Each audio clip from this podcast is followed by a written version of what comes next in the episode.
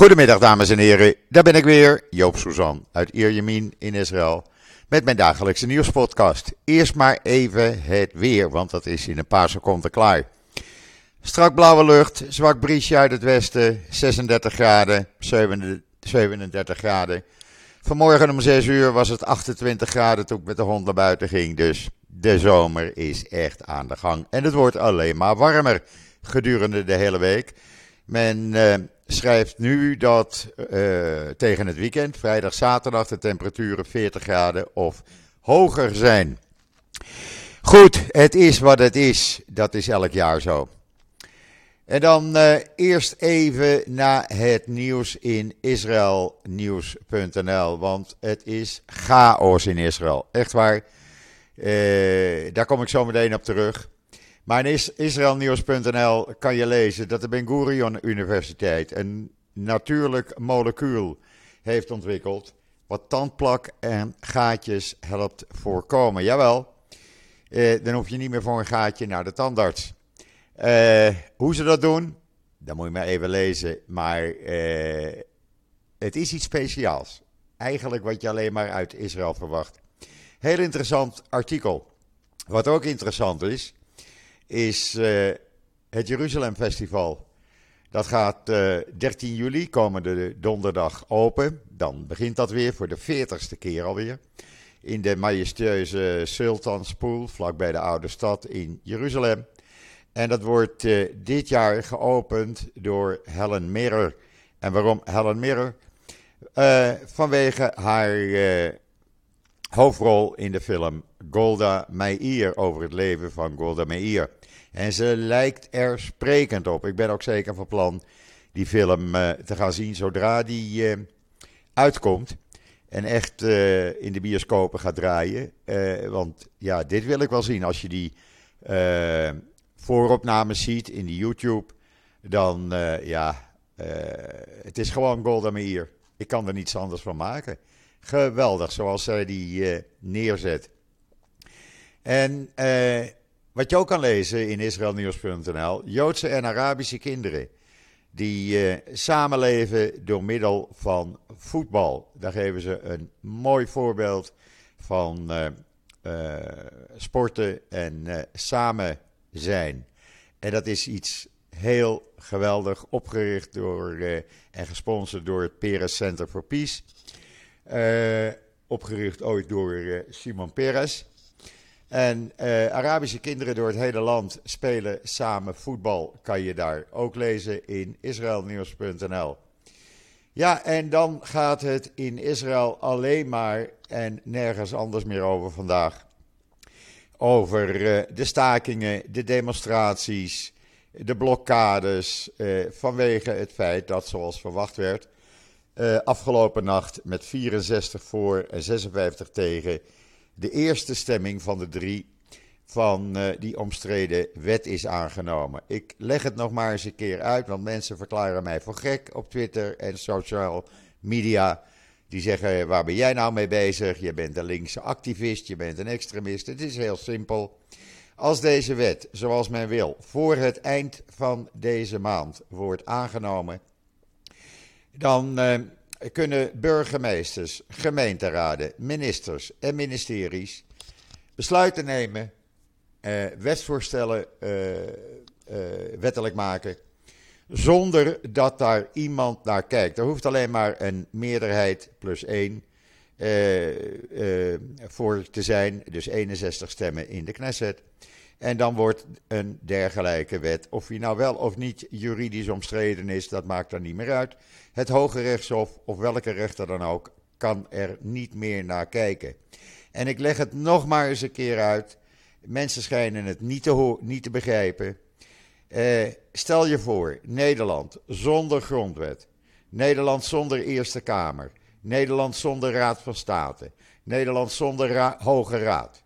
Dat wordt dan de situatie. Dan kan de minister een, uh, een wet maken dat je op Shabbat geen auto meer mag rijden. En dan is er niemand die zegt dat kan niet. Dan uh, hoeft er maar 61 stemmen in de Knesset uh, voor aanwezig te zijn. En dan is hij aangenomen. Een gemeente kan bijvoorbeeld besluiten van we gooien alle strandtenten op zaterdag dicht. Die willen we niet open in onze gemeente. Of je nou wel of niet orthodox bent, maakt niet meer uit. Je kan geen kopje koffie dan meer op het strand drinken. Want er is alleen maar een meerderheid van stemmen voor nodig. Eén stem is genoeg in zo'n gemeenteraad. Dat is de situatie waar Israël dan naartoe gaat. Dat kan niet en dat mag niet. Eindelijk heeft ook vanmorgen de heer Stadroet, voorzitter, de vakbond, de grootste vakbond in Israël, zich ermee gemengd. Heeft voor het eerst zijn mond open gedaan. Het duurde even, er moest wel gedemonstreerd worden vanmorgen voor zijn hoofdkantoor. Maar hij heeft gezegd: als deze wet echt in een tweede stemming komt, dan gaat de heer zich ermee bemoeien. Dat betekent dat het land gewoon plat gaat. Histadroet is tegen deze hervorming, tegen deze wet. Uh, wat opvallend was, dat Nire Barkat uh, van de Likud, de minister van Economische Zaken, gisteravond in een uh, persverklaring opriep tot onderhandelingen. dat is heel raar als je niet weet of er een meerderheid binnen de Likud voor zou bestaan. Die onderhandelingen zijn afgebroken een aantal weken geleden. Onderhandelingen met de oppositie. En eh, Barkat die dringt erop aan, ga die onderhandelingen nu weer herstarten en stel deze stemmingen uit. Dan heb je een overeenstemming met de oppositie en dan kan je eh, gezamenlijk tot een, uh, een wet komen die dan misschien af mag wijken van wat jullie nu extreem uh, voor hebben. Maar dan is het tenminste een wet waar ook de oppositie zich mee kan verenigen. Dan moeten er haast wel binnen de Likud-partij genoeg mensen zijn die hem steunen. Anders neem je dat risico niet. Uh, dus ja, ik denk ook dat het binnen de Likud ook rommelt. Er is natuurlijk wel de minister van Onderwijs geweest van de Likud die heeft gezegd van we geven niet in aan deze terreur. Hij noemt het terreur, de demonstraties. Nou ja, goed, die nemen dan maar met een korreltje zout. Wat wel opvalt vandaag is dat de politie precies doet, en dat hebben ze nooit gedaan hier, sinds we een extreemrechtse minister Ben Gwier hebben. Die heeft ze opgedragen zo gewelddadig mogelijk er hard op in te slaan. Nou, dat doen ze dan ook. Er zijn al tientallen mensen met hoofdwonden en andere wonden het ziekenhuis ingebracht. Er worden mensen in elkaar geslagen. Er wordt met uh, volle snelheid door de bereden politie op demonstranten ingereden. Uh, dat gaat niet goed. En uh, ik snap niet dat de politie doet wat een extreemrechtse minister hen opdraagt.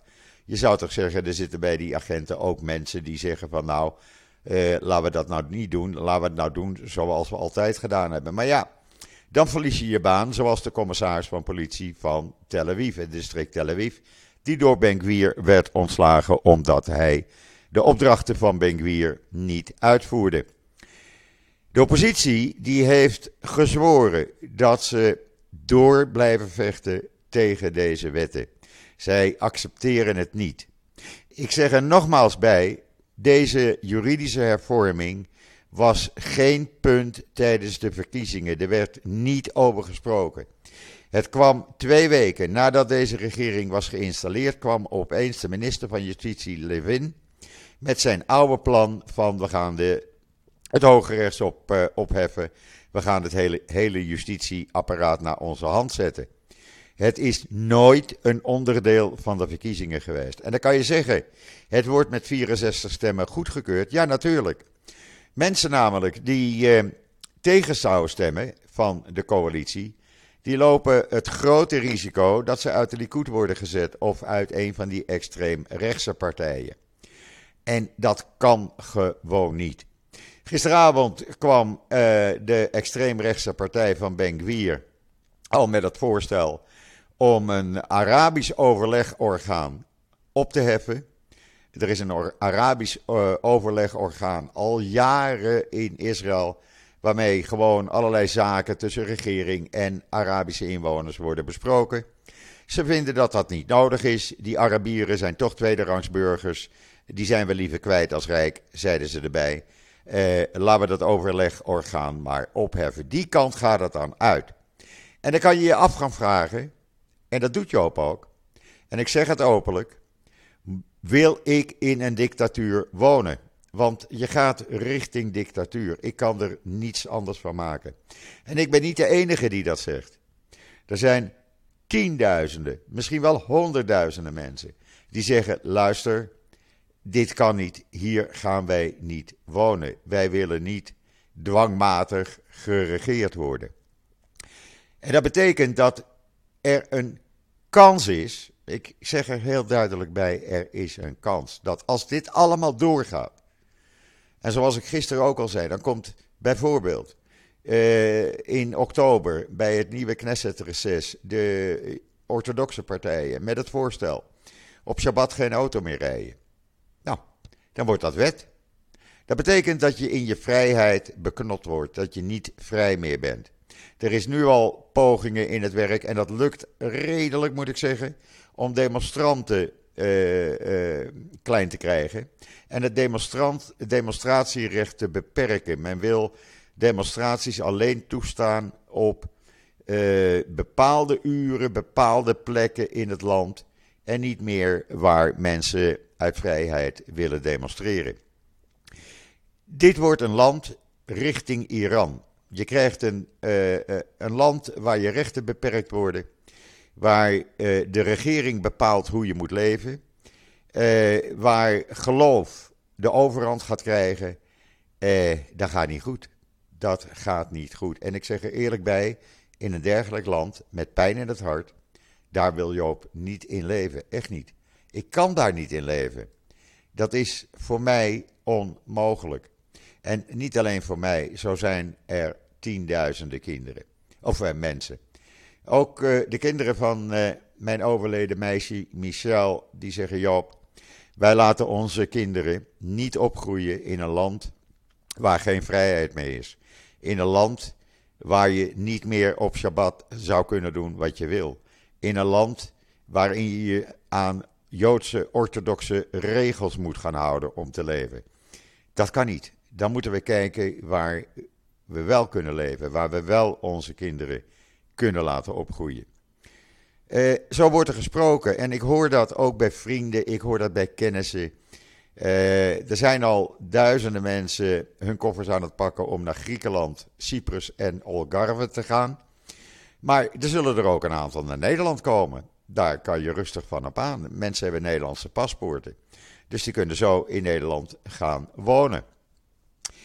En daar komt bij, eh, de Amerikaanse ambassadeur hier in Israël, die heeft gezegd, de regering Biden is uh, druk bezig om te voorkomen dat Israël uh, ontspoort, dat Israël door die juridische hervormingen een minder democratisch land aan het worden is. En dat lees je in de Times of Israel, ik verzin het niet. Uh, daarnaast, toen hij dit had gezegd, kwam de extreemrechtse minister Smotrich met het verhaal van uh, uh, wij hebben het recht om overal te bouwen en te wonen en de Arabieren daar weg te halen. Ja, sorry, dat kan niet. Dat gaat mij echt te ver. Je kan het lezen trouwens in de Times of Israel. Allebei de artikelen. Dit kan gewoon niet. Dit is de mentaliteit van ministers die hier in Israël dus de dienst uitmaken. Er was er gisteravond een mevrouw Tali Gottlieb, die net een paar maanden in de Knesset zit, van de Likud-partij. Mevrouw Schreeuwlelijk. En die had kritiek op het feit dat de gouverneur van de Bank van Israël uh, uitvoerig uitleg had gegeven gisteren in een persconferentie. Dat die juridische hervormingen wel degelijk de economie zullen gaan treffen. Uh, toen had zij gezegd Sorry, toen had zij gezegd: Meneer eh, de gouverneur, meneer Jaron, u moet uw mond houden, want u heeft daar helemaal geen verstand van. Ja, sorry, als je gouverneur van de Bank van Israël bent, dan weet je wel degelijk waarover je praat, dacht ik zo. En hij is bang dat steeds meer uh, investeerders weg zullen lopen bij Israëlische bedrijven hier gevestigd in Israël. En uh, dat ook de export een knauw gaat krijgen. En daar kan hij wel eens gelijk in hebben. Hij waarschuwt alleen maar. En hij deed dat toen hij meedeelde dat de rente voor het eerst in 22 maanden niet omhoog gaat. De rente blijft staan op 4,75 procent. De inflatie die zit zo rond de 4,6%, is niet gestegen. Dus gelukkig gaat dat niet omhoog. Dat is dan ook wat goed nieuws ertussendoor. Ondertussen hebben de big winkelcentra, dat zijn er twaalf hele grote in uh, Israël, tegen hun huurders gezegd: als jullie vandaag de winkel sluiten, hoeven jullie over deze dag geen huur te betalen. En dat gaat vaak om aanmerkelijke bedragen. Doe dat, steun die demonstraties, steun die stakingen. Dat zei het grote big winkelcentrum door heel Israël. En er zijn ook heel veel winkels van big dicht. Uh, het is gewoon chaos. Vanmorgen merkte ik dat er minimaal de helft minder verkeer uh, de snelweg op ging. Omdat men thuis blijft werken. Men wil niet in die chaos verkeer, verkeren. Uh, de Highway 2, dat is de weg waar ik vlakbij woon. Tussen Haifa, Tel Aviv, Tel Aviv, Haifa. Die was vanmorgen op diverse plekken gestremd door demonstranten. Mensen werden daar met geweld door de politie verwijderd en werden de cel ingestopt, werden gearresteerd. Vaak worden deze mensen later in de dag of aan het eind van de dag vrijgelaten. En dan krijgen ze zonder tussenkomst van de rechter een verbod om bijvoorbeeld twee of drie maanden niet aan demonstraties deel te, maken, deel te nemen. Ook dat is een aantasting van je recht, want dat kan alleen maar een rechter bepalen en niet een politieagent. Maar zo worden de mensen naar huis gestuurd. En als ze dan wel aan demonstraties deelnemen, dan, uh, ja, dan gaan ze weer de, de gevangenis in. En dan voor langer. Ondertussen heeft de regering uh, uh, een commissie van de regering besloten om voor de derde keer geen besluit te nemen over die omstreden wet die uh, uh, meneer Smotrich, uh, meneer Benkwier wilde invoeren. Namelijk dat iedereen gewoon administratief gevangen kon worden gezet voor een half jaar. Of een verbod kan krijgen waar hij zich mag begeven. Of een verbod kan krijgen dat hij niet het land uit mag. Zonder tussenkomst van een rechter. Dat bepaalt de extreemrechtse minister Benkwier. Men heeft voor de derde keer als regering gezegd: nee, dat doen we toch maar even niet. We, we gooien dit voorlopig eventjes in de onderste la. Inmiddels is er wel een vijfde kolonist door de politie opgepakt en door een rechter in administratieve gevangenschap geplaatst, omdat hij eh, samen met vier anderen die al gevangen zitten, de vorige maand eh, tekeer is gegaan in Palestijnse dorpen en steden. 140 auto's in brand hebben gestoken, woningen in brand hebben gestoken, uh, landerijen in de brand hebben gestoken. En deze mensen zitten voorlopig even vast. Die worden net zo behandeld als terroristen. En ik vind dit een uitstekend iets, want je kan niet zomaar ongebreideld uh, spullen van anderen, ook al zijn het Palestijnen of wat dan ook. Je kan niet zonder enige reden hele dorpen platbranden, auto's in de fik steken, huizen platbranden, landerijen vernietigen. Dat is wie mensen hun inkomen. Uh, wat hebben we nog meer? Ja, we zijn er nog lang niet natuurlijk. Meneer Abbas en zijn uh, uh, assistenten of leiders. Die zijn kwaad op de Arabische nieuwszender Al Jazeera. Jawel, en waarom? Ze geven een ongebalanceerde weergave van het nieuws. En waarom doen ze dat? Omdat ze volgens Abbas zijn ze tegen de Palestijnse autoriteit, want ze hebben diverse Palestijnen geïnterviewd die streng kritiek hadden, grote kritiek hadden op Abbas en de veiligheidsdiensten. En dat mag niet van Abbas. Dus Al Jazeera moet oppassen voor Abbas. En dan heeft de Verenigde Naties een mevrouw, Francisca Albanese. Een fervent Israël-haatster. Een van de grootste Israël-haters die er bij de Verenigde Naties rondloopt. Die heeft een rapport gemaakt en uitgebracht. Waarin ze Israël beschuldigt, nou ja, van alles en nog wat. Seksuele uh, mishandeling van vrouwen, Palestijnse vrouwen.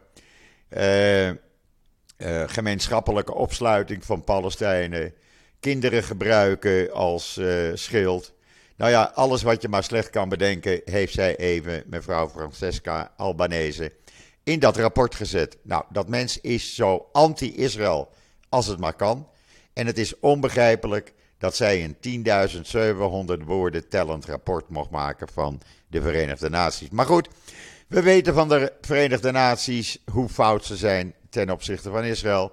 Dus ik kijk hier niks meer van op. De Verenigde Naties is, wat mij betreft, alleen maar een, uh, ja, een club uh, van mensen die uh, met elkaar leuk geld verdienen en voor de rest niks voor de wereld uitvoeren.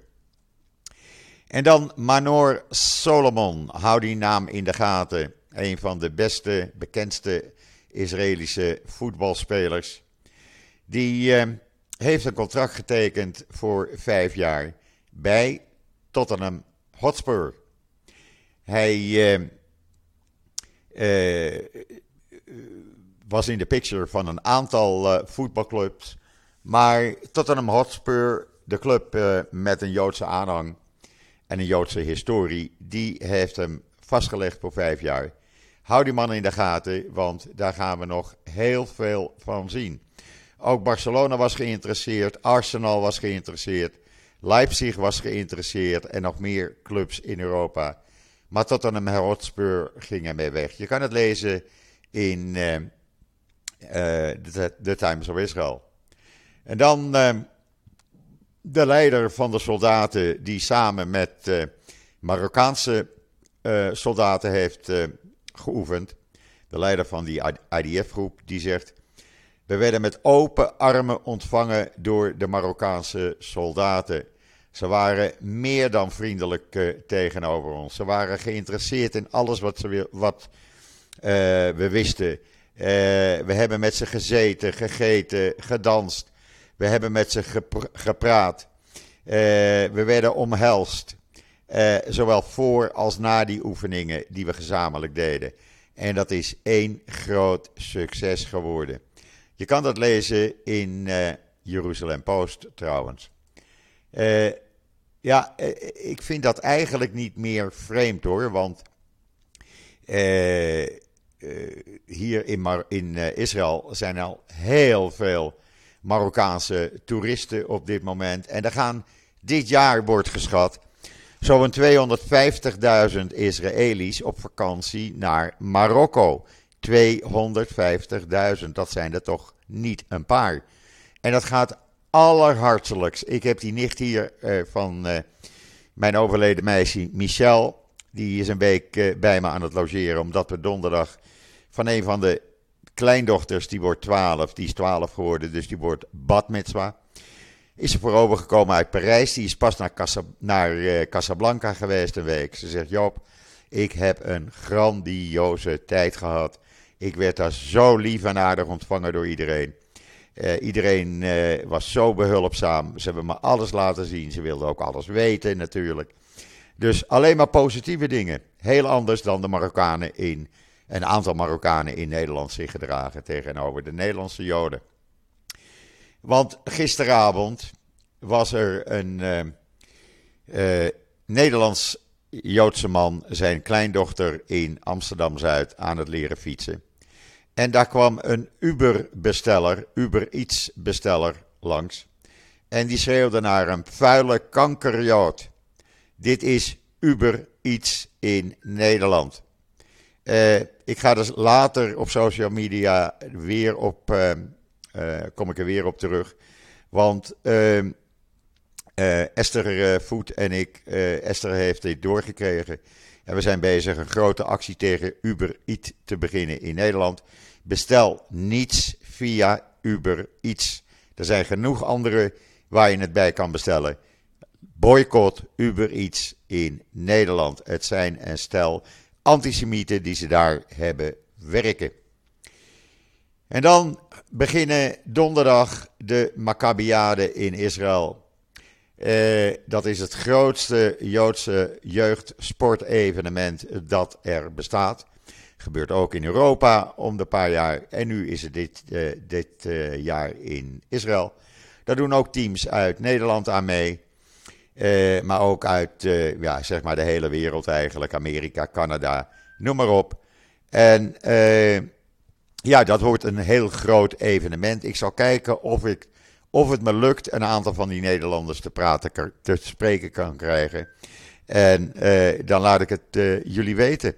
Want dat lijkt me wel heel interessant. Ik ken er een aantal van die meedoen. En ik kan ook, ken ook een aantal van de begeleiders.